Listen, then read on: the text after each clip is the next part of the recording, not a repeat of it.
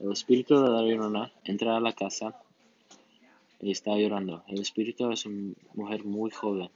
Ella tiene el pelo moreno y viste un vestido elegante. Ella es muy misteriosa.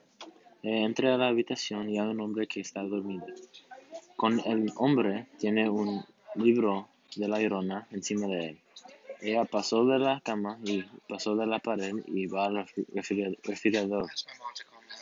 Ella come pan dulce y agarra la leche, pero no tiene leche y sigue llorando.